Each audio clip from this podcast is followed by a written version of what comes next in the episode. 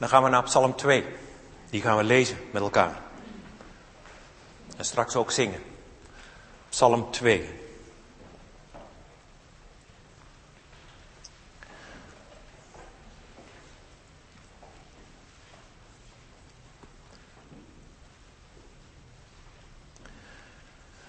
Waarom woeden de heidevolken en bedenken de volken wat zonder inhoud is? De koningen van de aarde stellen zich op en de vorsten spannen samen tegen de Heere en tegen zijn gezalfde. Laten wij hun banden verscheuren en hun touwen van ons werpen. Die in de hemel woont, zal lachen. De Heere zal hem bespotten. Dan zal hij tot hen spreken in zijn toren, in zijn brandende toren, hun schrik aanjagen.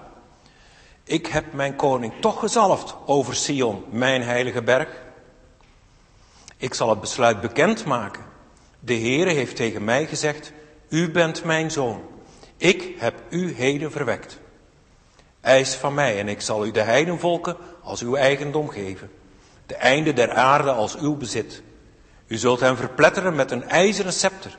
U zult hen in stukken slaan als aardewerk. Nu dan, koningen, handel verstandig. Laat u onderwijzen, rechters van de aarde. Dien de Heere met vrezen. Verheug u met huiver. Kus de zoon, opdat hij niet toornig wordt en u onderweg omkomt wanneer zijn toren slechts even ontbrandt. Welzalig allen die tot hem de toevlucht nemen. En dan bladeren we verder naar de brief aan de Hebreeën. De brief aan de Hebreeën en daarvan lees ik hoofdstuk 1 en dan nog het eerste vers van hoofdstuk 2.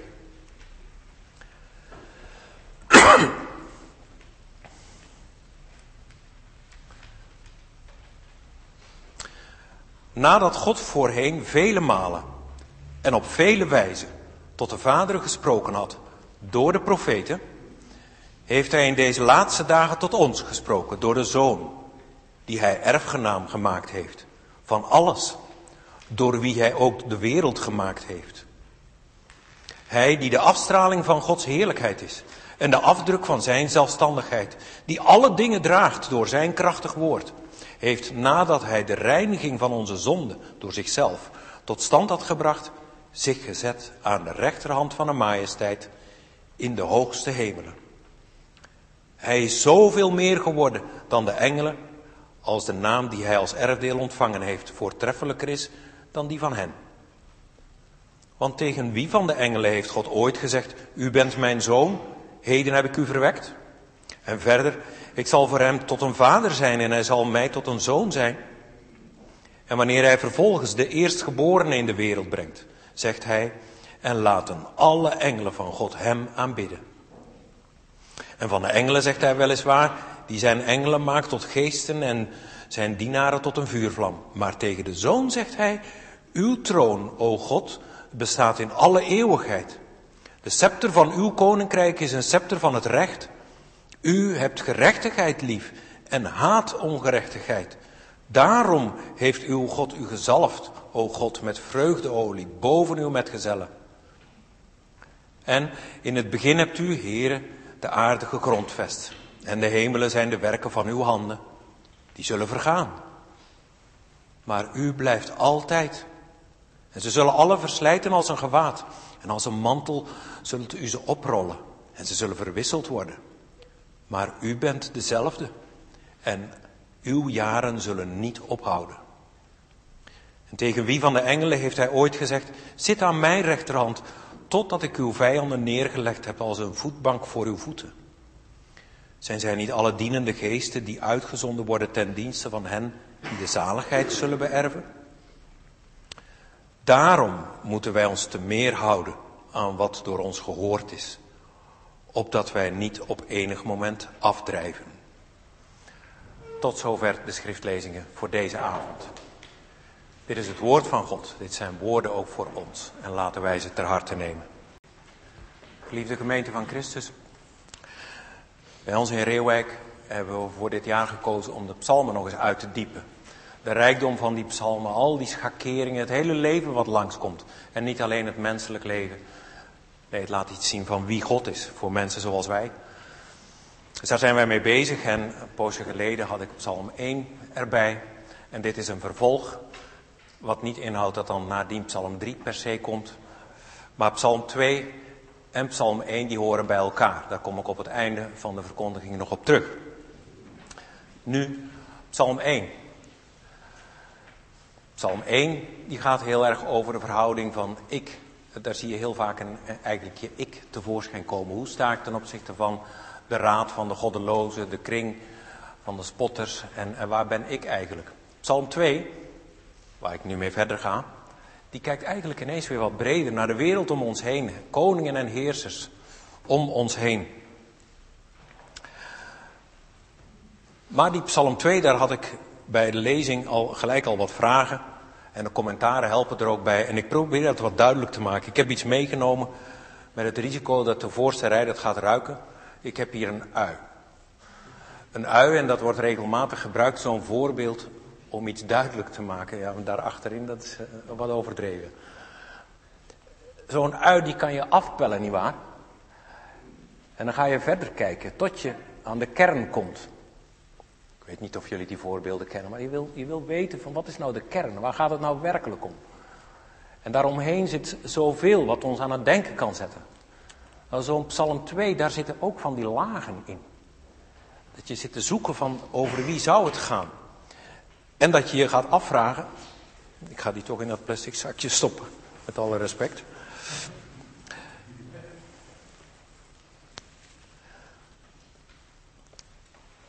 Over wie gaat die psalm? Wie is die gezalfde? Het volk Israël? Waar God voor zorgt? Ik heb mijn zoon uit Egypte geroepen. Was dat ook zijn volk? Israël, de gezalfde. Denken we aan koning David? De gezalfde van de Heere. Gods geest was op hem. Een leven wat niet bepaald over rozen ging. De weg naar de troon. Maar hij kwam er wel, omdat hij Gods gezalfde was. Zijn er ook nog andere koningsnamen die je te binnen schieten? Hiskia misschien? Moet je het tegen elkaar uitspelen? Zit er een volgorde in? En in adventstijd? Hoe lees je de psalm dan? Komen wij de Heer Jezus tegen, de gezalfde, de verlosser, te midden van een goddeloze wereld. Jazeker. Het zit wat mij betreft allemaal in deze psalm. En we zien steeds weer dat God zijn werk ook afmaakt. Vervulling van Gods belofte. We lazen daarom ook uit Hebreeën 1, waar je ook Psalm 2 hoort terugkomen. Jezus de gezalfde. Toekomstperspectief. En dat gaat eigenlijk door van het begin van de Bijbel tot helemaal aan het einde, openbaringen toekomst, perspectief. En waarom dit stukje inleiding? Waarom die ui? Om interessant te doen. Ik denk dat wij er al goed aan doen van onder de indruk te raken van die meerlaagsheid die in Gods woord zit, iedere keer weer. Zo komt Hij tot ons. Gods almacht, die komen we hier op het spoor. Een rijkdom. En wat kunnen we er dan mee? Proberen deze psalm in onze tijd te verstaan. Door onder meer, ik gebruik het woord complot. Er zit iets van complotten in deze psalm. Complotten. Waarom? Hoezo? Om vervolgens het tweede punt onder de indruk te raken van Gods heerschappij. En hoe ontdek ik dat die zichtbaar zal worden, zichtbaar is. Derde is een wat meer praktische benadering. Het gaat hier ook over het dienen. En daarom dat ook dat elfde vers centraal zal staan. Dien de Heer met vrezen. Verheug u met huiver. En, ik ga proberen dat ook concreet te maken. Ik begin met de complottheorieën. Samenspannen. En ik lees af en toe de versen nog even door. Als u een bijbeltje bij de hand hebt, dat is mooi, want dan, dan zit je er zomaar weer bij. Hè? Ik begin weer bij het eerste vers. Waarom, begint met een waarom-vraag. Waarom woeden de heidenvolken en bedenken de volken wat zonder inhoud is? De koningen van de aarde stellen zich op en de vorsten spannen samen tegen de Heere en tegen zijn gezalfde. Laten wij hun banden verscheuren en hun touwen van ons werpen. Die eerste drie versen. Het gaat over het verzet tegen de gezalfde. Onwillekeurig denk je dan ook aan de kersttijd. Bethlehem. Herodes. Die verneemt iets over een koningskind. Verzet. Gruwelijk wat er gebeurt trouwens. Je ziet hem als het ware met zijn raadsmannen wat nadenken. Vorsten spannen samen. Tegen de heren en tegen zijn gezalven. Ik kom op dat woord complotten, omdat het woord samenspannen heeft daar iets. Hè? Complot, samenspannen, iets ontwerpen. En dan kun je natuurlijk allemaal dingen gaan verwachten hier vanaf de kansel. Maar ik wil het houden over datgene wat tegen de gezalfde ingaat. Niet allerlei andere complottheorieën, die interesseren mij niet eigenlijk. Maar dit wel, dit zet mij aan het denken. Krijgen we er oog voor hoe het kwaad tegen de Heer zich een weg baant? En soms ook heel listig. Waarom woeden de heidenvolken en bedenken de volken wat zonder inhoud is? Mooi zinnetje eigenlijk, hè?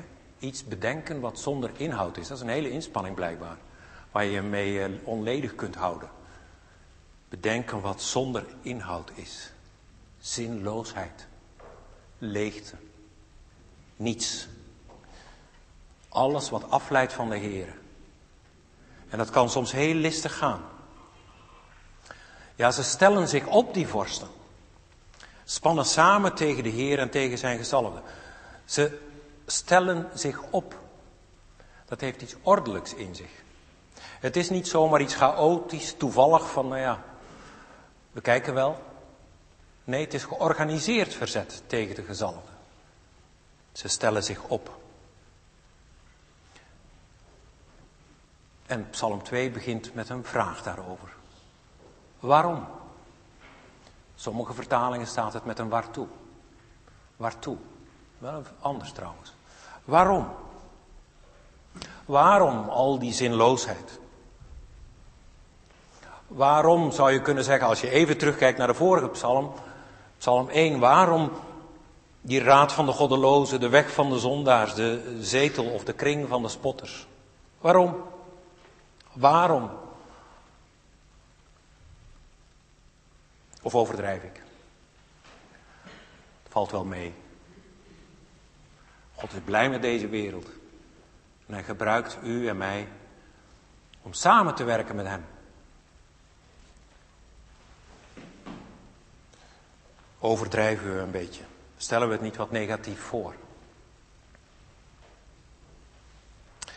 Psalm 2 is wel duidelijk. Het gaat over een openlijk en georganiseerd verzet tegen de gezalfde. En ik denk bij mezelf om het maar dicht bij mij te houden. Ook ik heb mijn koninkrijkje. U ook. En jij ook. Wij zijn allemaal koninkjes toch? En koninginnetjes. Prinsjes en prinsesjes. En wij leven allemaal na de zondeval. Hoe zitten wij eigenlijk in deze psalm? Leven wij in een tijd waarin vrijheid het, het motto is? Vrijheid? Ongebondenheid? Dat losgeuren wat in deze psalm 2 wordt genoemd. Willen wij dat eigenlijk ook niet? Kunnen wij goed met hiërarchie om? De wereld ziet het als een onderwerping aan God. Om Hem te volgen. Is dat niet een soort slavernij? Is dat beperkend?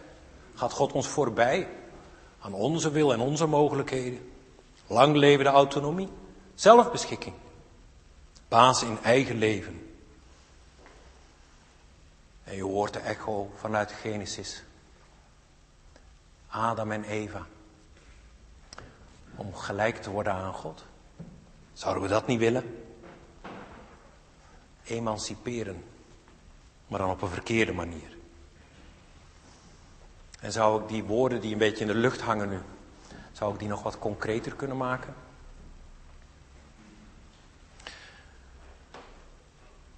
Zelfbeschikking, hoe werkt dat uit? Keuzes rond het ongeboren leven, als het anders loopt als je had gehoopt. Wat kan je dan in het ziekenhuis zomaar als een oplossing worden aangereikt? Wat zegt dat over hoe de mens naar God kijkt? Dat is aan het begin van het leven. Wat kan ook gebeuren aan het einde van het leven? In hoeverre is het nog zinvol het leven te leiden zoals het gaat? Er zijn toch ook andere mogelijkheden die heel humaan zijn. Maar wat zegt dat over de God die het leven geeft? Visies op relaties. Ook zo'n ingewikkeld hoofdstuk. Hoe heeft God het bedacht? En hoe werkt de mensheid dat uit? Wat zegt dat over hoe wij kijken naar de God die deze wereld schiep? De visie op Gods volk, als Israël de gezalfde is in deze psalm. Hoe kijken wij dan naar hoe God zijn weg gaat met zijn volk? En hoe reageren wij op allerlei vormen van antisemitisme? In een nieuw jasje heb je het soms nog niet eens door, maar soms komt het ook onbeschaamd in een oud jasje weer terug. Wat zegt dat over ons? Hoe wij naar God kijken? Waarom toch? Waarom? Waartoe? Leidt het ergens toe? Zo'n psalm, misschien is dat een poging van een antwoord. Zo'n psalm kan en mag ons prikkelen. Hij is niet voor niks gegeven. Prikkelen om wakker te worden. Wakker te worden. De juiste manier van woke. Om zicht te krijgen op Hem. Dat Hij een God is die het nooit uit de hand loopt. Meervoudige profetie. Hij vervult ze. Het komt uit. En als Hij dat in het verleden deed, waarom zou het dan in de toekomst anders zijn? Waarom zou 18 december 2022 dan een keerpunt zijn alsof hij er dan mee stopt? Het loopt hem niet uit de hand. Moet ons wakker schudden. Met name dat gedeelte wat te maken heeft met het verzet tegen de gezalfde. En die gezalfde, waar was het hem dan om te doen? Waar zou het verzet tegen gericht zijn? In de Hebreeënbrief las ik een vers 9 en daar staat, u hebt gerechtigheid lief en haat ongerechtigheid. Daarom heeft uw God u gezalfd, o God, met vreugdeolie boven uw metgezellen. De gezalfde komt in beeld. Hij heeft gerechtigheid lief. Waarmee je dus ook kunt zeggen dat het verzet ook bedoeld is tegen wat hij op het oog heeft, namelijk gerechtigheid. Verzet tegen de gezalfde is verzet tegen gerechtigheid. Maar God is een God die het nooit uit de hand loopt. Zijn volk Israël, koning David, de Heer Jezus. Daar moet het naartoe. Dus weerstand tegen hem moet ons wakker maken. Hij komt om gerechtigheid te doen. Hij komt om te richten. En hij komt om te redden. En hij komt om te herstellen. Dat brengt mij bij het tweede. Hoe doet hij dat dan? Door heerser te zijn. Zijn heerschappij. Degene die was, die is en die komt. Adventstijd. En ik lees verder vanaf vers 4, om het nog even op te frissen. Die in de hemel woont, zal lachen. De Heer zal hem bespotten. dan zal hij tot hen spreken in zijn toren, in zijn brandende toren een schrik aanjagen. Ik heb mijn koning toch gezalfd over Sion, mijn heilige berg. Ik zal het besluit bekendmaken. De Heer heeft tegen mij gezegd, u bent mijn zoon, ik heb u heden verwekt. Eis van mij, en ik zal u de heidendom, heidenvolken als uw eigendom geven. De einde der aarde als uw bezit. U zult hen verpletteren met een ijzeren scepter. U zult hen in stukken slaan als aardewerk. Hoe gaat God om met wie zich zo afzet, verzet tegen de gezalfde? Om te beginnen lacht hij hen uit. God lacht de tegenstander uit. En hoe moet je dat nou voorstellen? Hij wordt dus niet bang, niet nerveus. Hij lacht ze uit.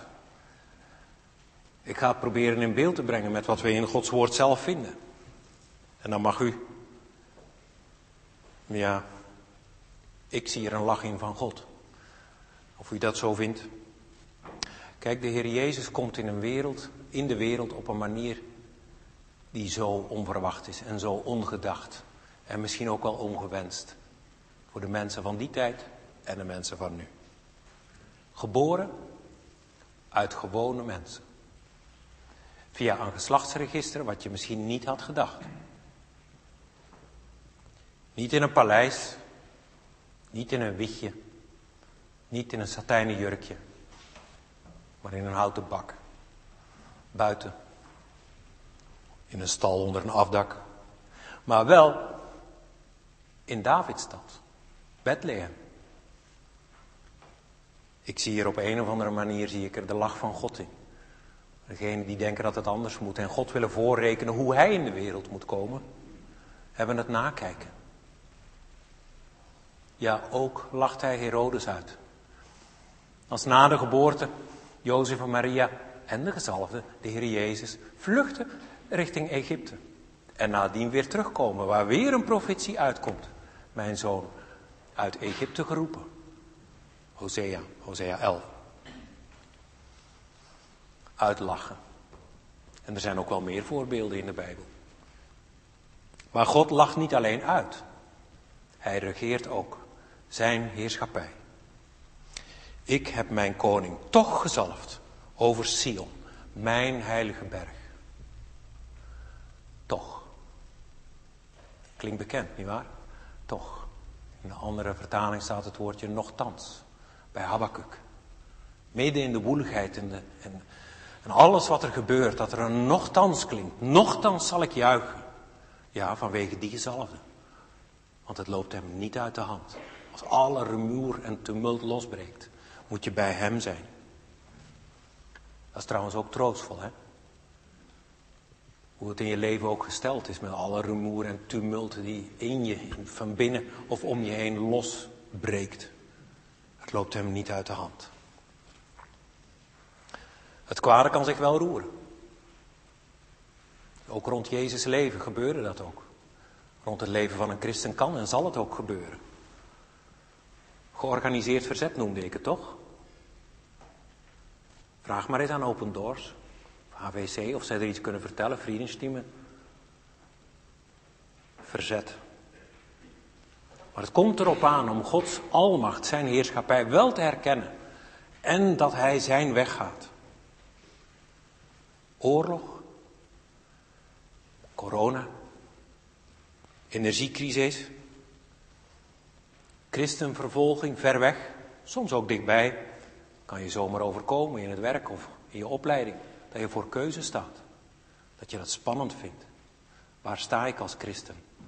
georganiseerd verzet om me heen. Tegen de gezalfde. Situatie van Gods volk. Het Jodendom. Antisemitisme. Maar de overwinning ligt in de handen van de gezalfde. Toch. De Hebreeën schrijver heeft het ook ontdekt en brengt ons heel dicht bij de Heer Jezus. Ik lees daar een vers uit, vers 3. Hij die de, is een hele lange zin. Hij die de afstraling van Gods heerlijkheid is en de afdruk van zijn zelfstandigheid, die alle dingen draagt door zijn krachtig woord heeft, nadat hij de reiniging van onze zonde tot stand heeft gebracht, de Heer Jezus, hij heeft zich gezet aan de rechterhand van de majesteit in de hoogste hemelen. Koningschap. Het koningschap uit het vierde vers van onze psalm. Hij die in de hemel woont. Daarover gaat het. En de Hebreeën schrijver verbindt dat. En ziet de Heer Jezus tevoorschijn komen. De Verlosser. Het is vervuld. Lange lijnen. En als je de ui afpelt, dan kom je steeds dichter bij de kern, bij die ene Verlosser. Die heeft overwonnen. Want hij stond op uit de dood. Troostvol. Troostvol om dat te mogen ontdekken. Oh ja, wat er ook op gebeurt dus. Op wereldvlak, maar in je werk of in je opleiding of in je gezin. Mag je zijn eigendom weten. Als je je niet verzet tegen de Heer, ben je in goede handen. Gelukkig maar. Gelukkig maar. De adviezen uit Psalm 1 zijn ook goed om er dan nog eens bij te nemen. Daar staat gewoon heel helder wat je niet moet doen. En wel. En de verkeerde, die loopt het ook, daar loopt het slecht mee af. Dus maak ook de goede keuze. Dan klink je hier, het is adventstijd, we hebben liever vredevolle en vrolijke woorden. Vrolijke kerstfeest heet het dan de kaart. Maar hier heet het verpletteren met een ijzeren scepter, hen in stukken slaan als aardewerk. In adventstijd klinken ook deze woorden vanuit Psalm 2. Oordeelsgedachten. Ook een deel van het adventsdenken. Ja, dat heftige is ook weer terug te vinden als je de lijnen doortrekt naar het openbaringenboek. In hoofdstuk 19 kun je erover lezen. Heftig. Maar, voor wie met vallen en opstaan zich niet wil verzetten tegen die Heer, maar Hem ontvangen. Hoe zal ik u ontvangen? Die Hem wil ontvangen, daar is het dan een troostvolle boodschap voor. Het loopt Hem niet uit de hand. Het loopt Hem niet uit de hand. Waarom dit alles? Die waarom vraag weer? Om wakker te zijn. En Hem te herkennen. De Heer Jezus is de gezalfde. En om Hem te erkennen. Hij is de Almachtige. Hij zit in de hemel aan de rechterhand van God de Vader. Van waar Hij terugkomt. En met kerst zien we dat in het koningskind. Als er niet te veel versiering voor dat stalletje ligt, dat je het niet ziet, maar dat je het echt ziet. Koningskind. Ik ga naar het derde. Want wat betekent dat dan vervolgens? Er staat ook een opdracht in in ons gedeelte. In de gebiedende wijs. Dien de Heere met vrezen, verheugen met huiver. Nou, dat stukje wordt ingeleid en ik lees vanaf vers 10. Nu dan, koningen, handel recht verstandig. Laat u onderwijzen, rechters van de aarde. Dien de Heere met vrezen, verheugen met huiver. Kus de zoon op dat hij niet toornig wordt en u onderweg omkomt, wanneer zijn toren slechts even ontbrandt. Welzalig allen die tot hem de toevlucht nemen. We zitten in adventstijd en we worden geroepen om wakker te zijn, maar ook om de goede keuzes te maken. Verwachtingsvol uit te kijken. En hoe staat dat hier? Handel verstandig. En begon met nu dan. Uh, wat eenvoudig verwoord. Kom op. Kom op. Kom bij je zinnen. Anders, hè, dat wakker worden, hangt ermee samen. Kom bij zinnen. Gebruik je hersenen. Lees Gods woord. Ontdek die meerlaagse profetieën. Geloof erin. Geef dat geloof dan toch eens een kans. Zo, ja, ik, misschien moet ik dat niet zo tegen u zeggen. Ik zit er maar over uit te storten. Hè? Maar het raakt ons allemaal wel eens een keer dat we weer wakker geschud moeten worden. Rond het evangelie. En daar weer echt oog voor krijgen. Open pellen. Die rijkdom proeven. Nou, dat is wat hier gebeurt. Die psalm, hij komt ook naar ons toe. Wees verstandig. Koningen, koninginnetjes, koninkjes, prinsjes en prinsesjes. En er is nog tijd. Want het is een uitnodiging die open staat. Het is genadig eigenlijk dat dat ook zo in een psalm zit, hè? die ruimte ook weer. Naar hem toe te komen. Met open handen en verstandig te worden. En zie zo naar het kind. Kies dan heden wie je dienen zult. Dien de Heer. Kies dan heden, vandaag nog, wie je dienen zult. En dien hem met vrezen, respect, eerbied. Met huiver en verheugen. Dat troostvolle, hè, waar ik het al eerder over had, daar mag je ook blij van worden. Dankbaar en blij. Dien dit koningskind. Maar ja, dat dienen, wat is dat eigenlijk? Hoe doe je dat? De grondhouding mag er eentje zijn van gehoorzaamheid, waar het woord oor, horen, gehoorzaamheid, die grondhouding, die zit erin. Zoals, en het vader-kindbeeld krijgen we in de Bijbel terug, een goede vader en een kind, dat zit in een gezonde verhouding. En een kind dient dan, is gehoorzaam, niet op een bange manier, dat zou niet goed zijn, maar wel op een eerbiedige manier. Nou dat, die grondhouding. Maar er is nog niet het antwoord gegeven hoe dan. En nog een keer, weer wat breder, toewijding van je hele leven heeft dat ook met dienen te maken. Beschikbaar zijn. En om beschikbaar te zijn, moet je andere dingen niet doen, want dan ben je niet helemaal beschikbaar. In beschikbaarheid zit, beschikbaarheid zit ook iets van bereidheid. Dat je andere dingen laat liggen. Toegewijd zijn. Bedenken de dingen die boven zijn. Colossense 3. Opgeven van rebellie. Opgeven van verzet. Loslaten van dingen die niet goed zijn. Dienen kan ik wel concreter maken, denk ik. Door het te hebben over onder meer de eredienst en onze dienst naar de naasten. In het Oude Testament gaat het dienen vaak samen met woorden als aanbidden, blijdschap, zoals ook hier vers 11, verheug u met huiver. Samen met zingen, het volk wat zingt, God roept ze samen, ze zingen. Neerbuigen, neerbuigen, doen we dat ook? En dat alles dus met vrezen, met huiver, eerbied en respect. De Heeren dienen, dat zegt heel veel over de sfeer waarin onze erediensten moeten plaatsvinden. Aanbiddend, met blijdschap, zingend en buigend. Maar er zijn ook andere praktische manieren van dat dienen te vinden. In het dagelijkse leven. En Jezus gaat er ons in voor. En ik kom daarop via het woord liefdedienst. Ik las hier, en dat, dat is eigenlijk iets heel intiems wat we lezen in Psalm 2. Kus de zoon. Heeft dat met dienen te maken? Het staat wel in het volgende vers. Het heeft ermee te maken. Kus de zoon. Het kussen staat voor iets relationeels, iets liefdevols. En in de oudheid ook wel voor een vorm van respect. We kennen ook de disrespectvolle kus. De Judaskus, weet u wel?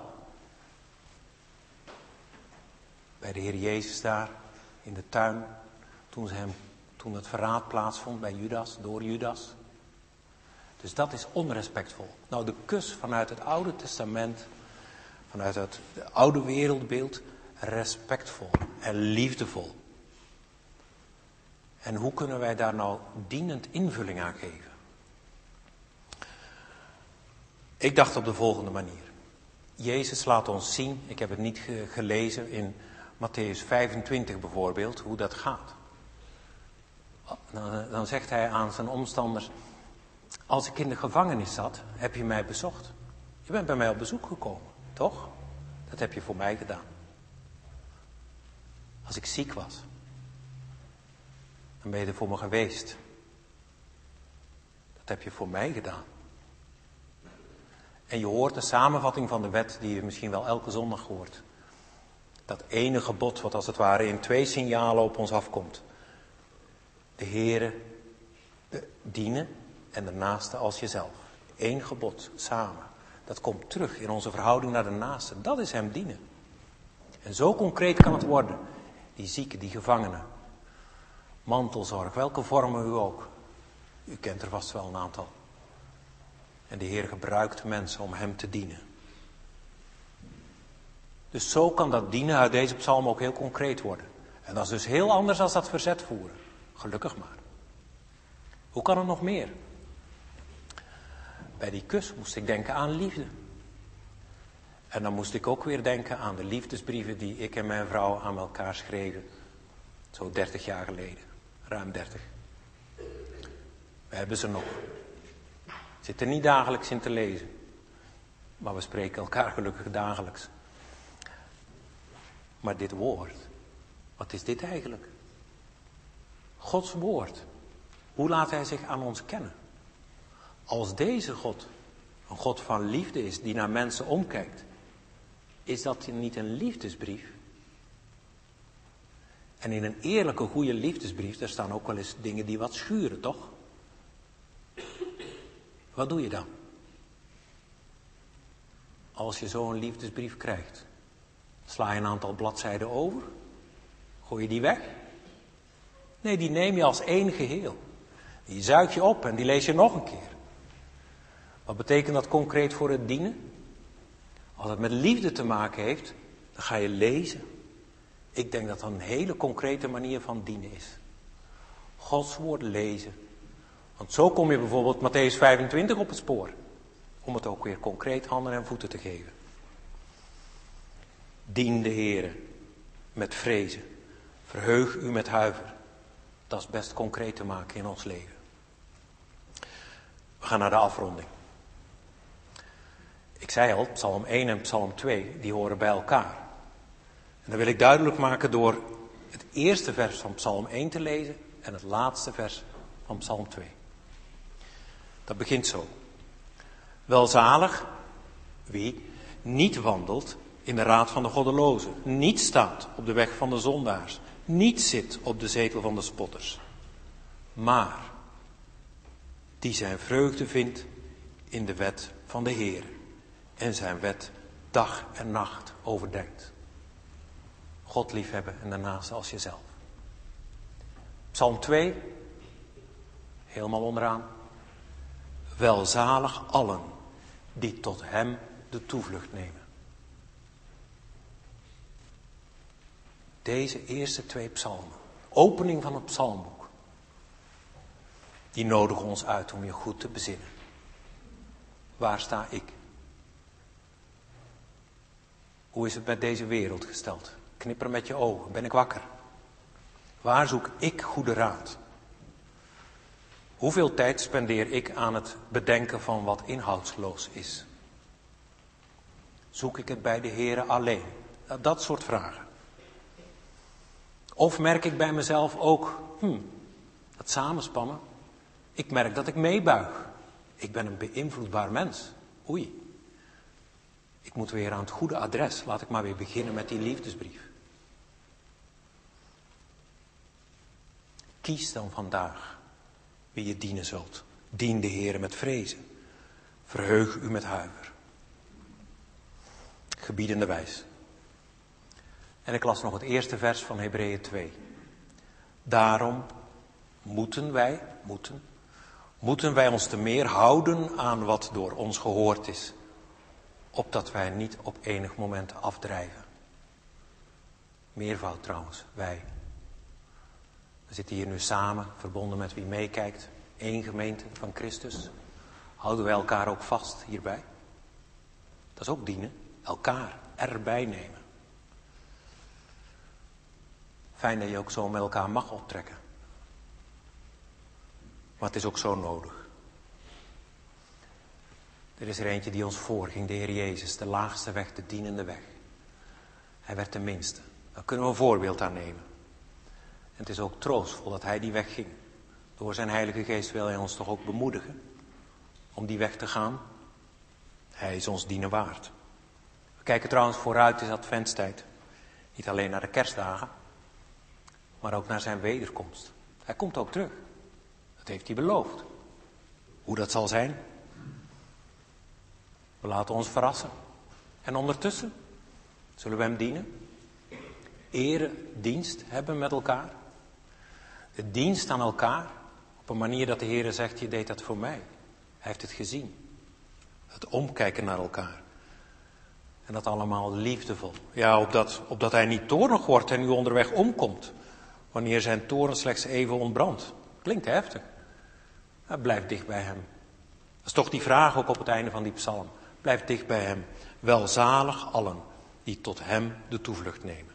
Nou, zo mag het zijn. Daar roep ik ons allen toe op. Toevlucht nemen tot hem. Van hem leren. Leer zijn woorden. Iedere keer weer. Kom, Heer Jezus. Kom maar terug. Onze toevlucht. Amen.